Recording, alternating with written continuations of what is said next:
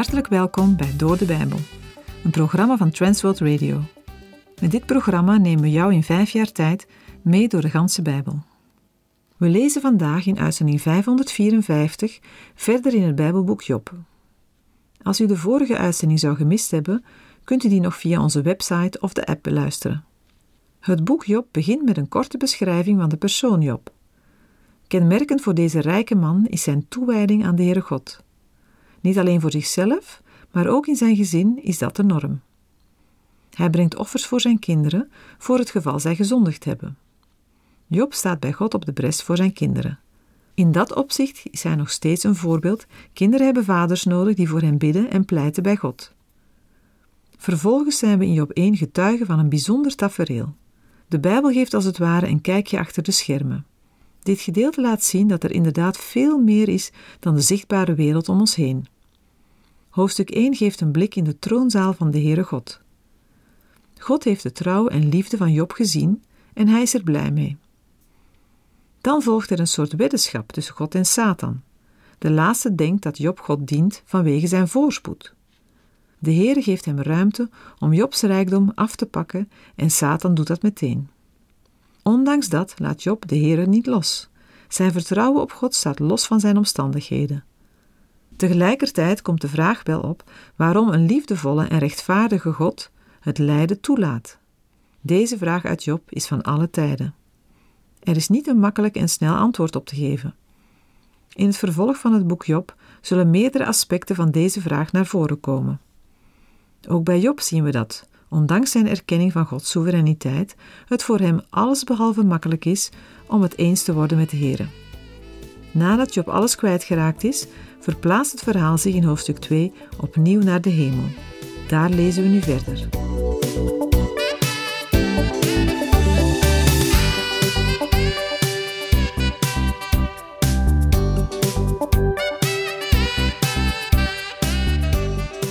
Nadat Job al zijn bezittingen is kwijtgeraakt en zijn kinderen zijn omgekomen, richt de aandacht in Job 2 zich opnieuw op de hemel. De engelen, de zonen van God, stellen zich op voor de Heer en ook de Satan is er weer bij. Een verklaring voor de aanwezigheid van de Satan is al eerder gegeven bij de uitleg van Job 1. Ook in dit verband is het opnieuw een teken van Gods heerschappij en de onderworpen positie van de Satan. De Heere vraagt waar hij is geweest, en de Satan antwoordt dat hij een tocht over de aarde heeft gemaakt. Net als bij de vorige ontmoeting vraagt de Heer of hij ook gelet heeft op zijn dienaar Job. De Heer wijst er opnieuw op dat niemand op aarde zo onberispelijk, rechtschapen, godvrezend en wijkend van het kwaad is als zijn dienaar Job.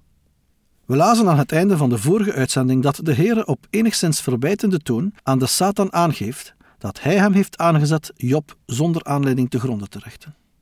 Job 2 vers 4 Toen antwoordde de Satan de Heer en zei, huid voor huid, alles wat iemand heeft, zal hij geven voor zijn leven. De Satan weigert zijn nederlaag toe te geven en antwoordt de Heer met een opmerkelijke en lastig te verklaren uitspraak.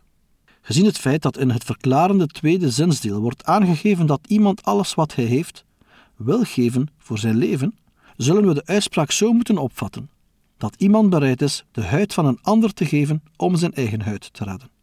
Hoe erg het verlies van Job ook is, het gaat niet om zichzelf. Laat Job maar eens aan den lijve pijn en kwelling voelen. Dan zal Job God echt wel verlaten. Job 2, versen 5 en 6. Steek uw hand maar eens uit en tref zijn beenderen en zijn vlees. Voorwaar, hij zal u in uw aangezicht vaarwel zeggen. En de Heere zei tegen de Satan: Zie, hij is in uw hand, maar spaar zijn leven.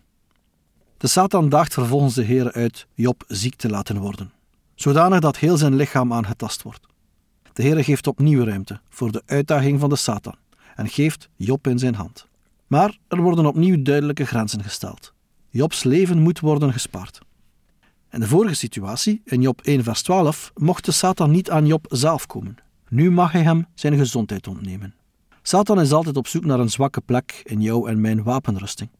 Een bepaalde zwakte, een moment dat je er niet meer tegen kunt, even niet opletten of de teugel laten vieren. Dan slaat hij toe en wij storten in. Maar daarmee is niet alles gezegd want er staat iets tegenover. De Heer heeft in 1 Korinthe 10 vers 13 een belofte gegeven. Daar staat: Meer dan een menselijke verzoeking is u niet overkomen. En God is getrouw. Hij zal niet toelaten dat u verzocht wordt boven wat u aankunt, maar hij zal met de verzoeking ook de uitkomst geven om die te kunnen doorstaan.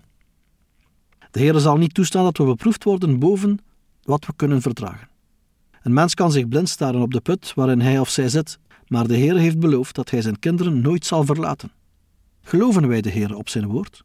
Ik hoop het, al geef ik graag toe dat het niet altijd gemakkelijk is. Zeker als je niet ziet van zijn uitweg uit de beproevingen. Toch is het zo dat de Heer, waar we ook zijn of waar we ook doorheen gaan of moeten, in staat is een uitweg te geven uit de beproevingen. Hij is ook in staat ons kracht te geven om er tegen opgewassen te zijn. Dat is een grote troost voor een mens die door een donker dal moet lopen. David kan erover meepraten. Hij schrijft in Psalm 23, vers 4: Al ging ik ook door een dal vol schaduw van de dood, ik zou geen kwaad vrezen, want u bent met mij. Uw stok en uw staf, die vertroosten mij. Satan zegt dat Job alles zal doen om zijn leven te redden, zelfs het vervloeken van de Heere. Heeft de Satan gelijk? Het zou heel goed kunnen, want hoeveel mensen hebben de Heere verlaten omdat zij met de beproevingen in hun leven niet overweg konden? Velen geven zelfs God de schuld. Ze vragen zich af: God, waarom laat u dit toe? Waarom moet mij dit overkomen? Alle mensen, gelovig of niet, hebben zulke momenten. En hoe komt een mens daardoor heen? Hopelijk kunnen we leren van de ervaringen van Job. Job 2, versen 7 en 8. Toen ging de Satan weg van het aangezicht van de Heer, en hij trof Job met vreselijke zweren, van zijn voetzool af tot aan zijn schedel. En Job nam een potscherf om zich daarmee te krabben, terwijl hij midden in de as zat. Na het gesprek verlaat de Satan de Heer en maakt Job ernstig ziek. Van kop tot teen zat hij onder vreselijke zweren. Het Hebreeuwse woord voor zweer is afgeleid van een woord dat branden betekent en zal duiden op een branderige plek. Van de precieze aard van de ziekte valt weinig te zeggen. Uit de beschrijvingen in de volgende hoofdstukken komen we meer te weten over Jobs ziekte. Zijn huid verschilfert en laat los. Er worden korsten gevormd en er komen zelfs wormen. Job heeft een zeer slechte adem en zijn botten steken door zijn vermagerde lichaam. Hij is fel overbeen. De ziekte veroorzaakt voortdurend knagende pijnen en koorts. Door de ziekte is Job nauwelijks te herkennen.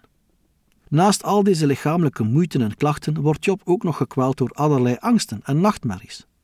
De ontzettende jeuk drijft Job ertoe een potscherf te pakken en zichzelf ermee te krabben. De tekst vermeldt dat Job midden in de as zat. Het is mogelijk dat hier wordt gedoeld op een ashoop buiten de stad, waar Job als drager van een ernstige en mogelijk besmettelijke ziekte naartoe werd verbannen. We zagen in de uitzendingen van Esther dat het zitten in de as ook op rouw kan wijzen maar in dit geval is het waarschijnlijker een verband te leggen met Leviticus 13, waar leiders aan huidziekten verbannen worden buiten de legerplaats. Op zo'n plaats werd meestal mest verbrand, waarna er alleen as overbleef. Job wordt in elk deel van zijn leven beproefd. Satan probeert hem te breken en wil hem tot vervloeking van de Here drijven. Job heeft zijn rijkdom en bezit verloren, zijn kinderen, en nu wordt zijn gezondheid aangevallen. Er lijkt geen menselijke verklaring voor de moeite en ziekte van Job. Het is geen straf voor zijn zonden. En alles zou zonder enige zin en bedoeling zijn als de Heer zelf geen verklaring had gegeven in het eerste hoofdstuk. Kortom, zonder juist inzicht kunnen wij mensen het lijden van Job en alles wat hem is overkomen niet goed inschatten en blijven er alleen maar vragen over en een verwijtende blik naar de Heer. Daarom geeft de Heer aan het begin van het Bijbelboek inzicht in wat er in de zichtbare, maar ook wat er in de onzichtbare wereld is gebeurd. Wat Job overkwam, was voor een goddelijk en heilig doel. De Heer had goede redenen om deze weg voor Job toe te laten. Als we met alle feiten en facetten rekening houden, dan ontmaskert de Heer met deze weg de leugen van de Satan, die zei dat een mens alles zal doen om zijn leven te redden. Aan de andere kant zal het een leerproces voor Job zijn. Job en ook wij moeten leren dat Gods wegen niet onze wegen zijn.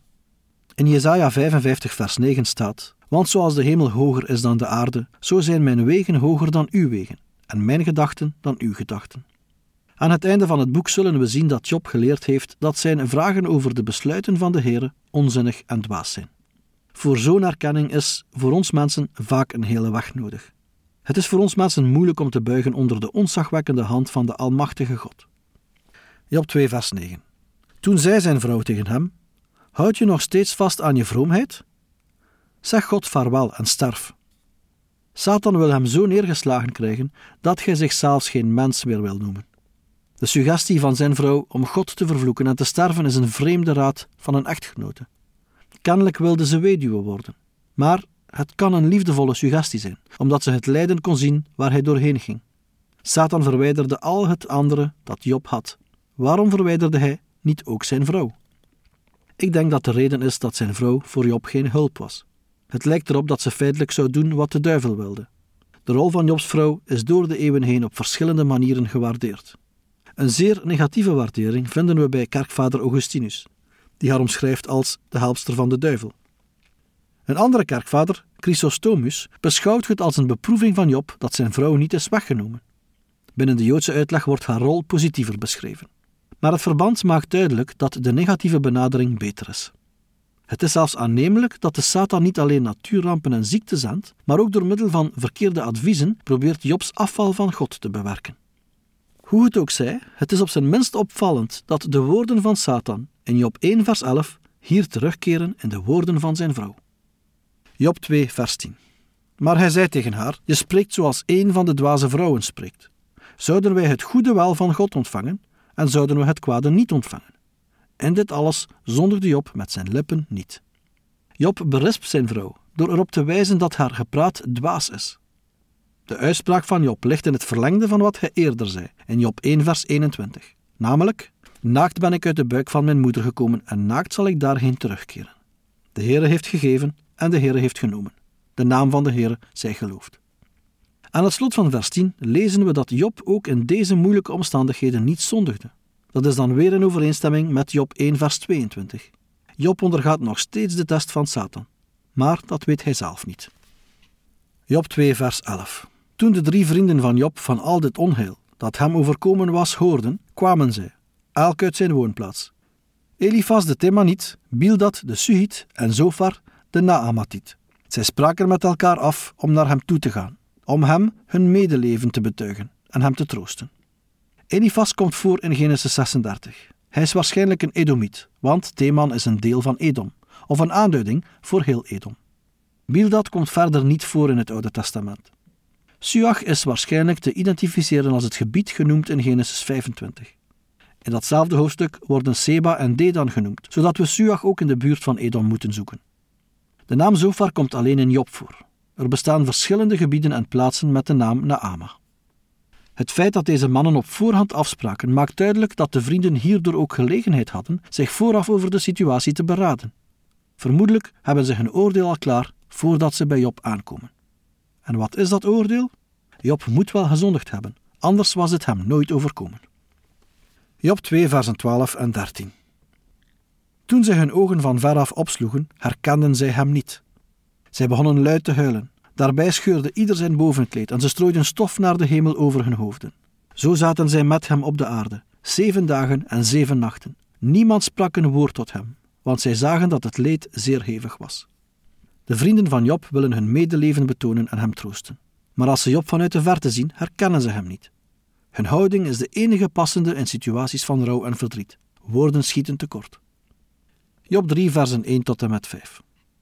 Daarna opende Job zijn mond en vervloekte zijn geboortedag. Job nam het woord en zei: Laat de dag vergaan waarop ik geboren ben, en de nacht waarin men zei: Er is een jongetje ontvangen. Laat die dag duisternis zijn. Laat God ervan uit de hoogte niet naar vragen, en laat er geen lichtglans overschijnen. Laat de duisternis en de schaduw van de dood hem opeisen. Laat wolken hem overdekken. Laat verduisteringen van de dag hem angst aanjagen. Zeven dagen lang hebben Jobs vrienden bij hem gezeten en gezwegen. Daarna doorbreekt Job zelf de stilte. Hij vervloekt zijn geboortedag. Hij spreekt uit dat de dag van zijn geboorte duisternis mag worden. Hij wenst dat de Heere in de Hoge er niet op let en dat hij er geen licht op laat schijnen. Deze woorden doen denken aan de eerste scheppingsdaad, toen God het licht liet schijnen in de duisternis. Job vraagt of God de scheppingsdaad van zijn geboorte ongedaan wil maken. Job 3, versen 6 tot en met 12. Die nacht laat donkerheid hem wegnemen. Laat hij zich niet verheugen onder de dagen van het jaar. Laat hij in het getal van de maanden niet komen. Zie, laat die nacht onvruchtbaar zijn. Laat geen vrolijk gezang erin voortkomen. Laten zij die de dag verwensen hem vervloeken, die klaarstaan om de Leviathan te wekken. Laat de sterren van zijn schemering verduisterd worden. Laat gij wachten op het licht, maar laat het er niet zijn. Laat gij de oogleden van de dageraad niet zien. Hij heeft immers de deuren van mijn buik niet gesloten en de moeite niet voor mijn ogen verborgen. Waarom ben ik niet van de baarmoeder afgestorven en heb ik de geest niet gegeven toen ik uit de buik naar buiten kwam? Waarom zijn de knieën mij tegemoet gekomen? En waarom waren er borsten, zodat ik kon zuigen? Job gaat in op de nacht waarin hij werd verwekt.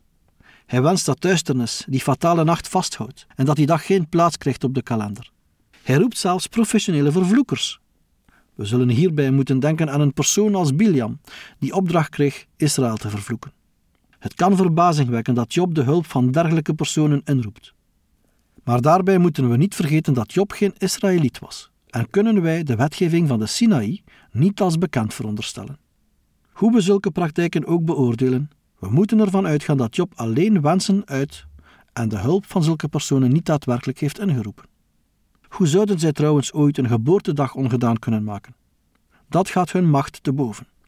Job ondergaat heftige emoties en spreekt uit wat in hem leeft. De vervloekers worden omschreven als degenen die het zelfs wagen de Leviathan op te wekken. De Leviathan geldt in het Oude Testament als een vernietigend monster dat in de zee woont. Door dit wezen op te roepen zou de orde van de schepping zodanig verstoord kunnen worden dat de nacht van Jobs verwekking teniet wordt gedaan.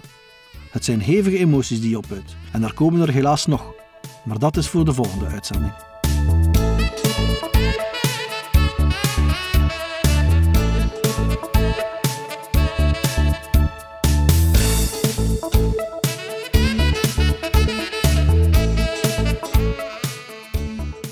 U heeft geluisterd naar Door de Bijbel, een programma waarin we in vijf jaar tijd de ganse Bijbel bespreken. De basis voor het programma is de Bijbelstudiereeks van Dr. Vernon McGee, Through the Bible. Deze werd in het Vlaams vertaald en bewerkt door Transworld Radio. U kan elke werkdag naar een nieuwe uitzending luisteren en u kan ook steeds voorbije uitzendingen opnieuw beluisteren of downloaden. Als u wilt reageren op deze uitzending of u heeft vragen, dan kunt u uiteraard contact met ons opnemen. U kan een e-mail sturen naar doordebijbel.twr.be. Verder kan u op onze site terecht, www.twr.be, voor meer info en het beluisteren van onze overige programma's. Dit programma werd gepresenteerd door Patrick Couchement en Anne Notenboom. Wij danken u voor het luisteren en graag tot een volgende keer.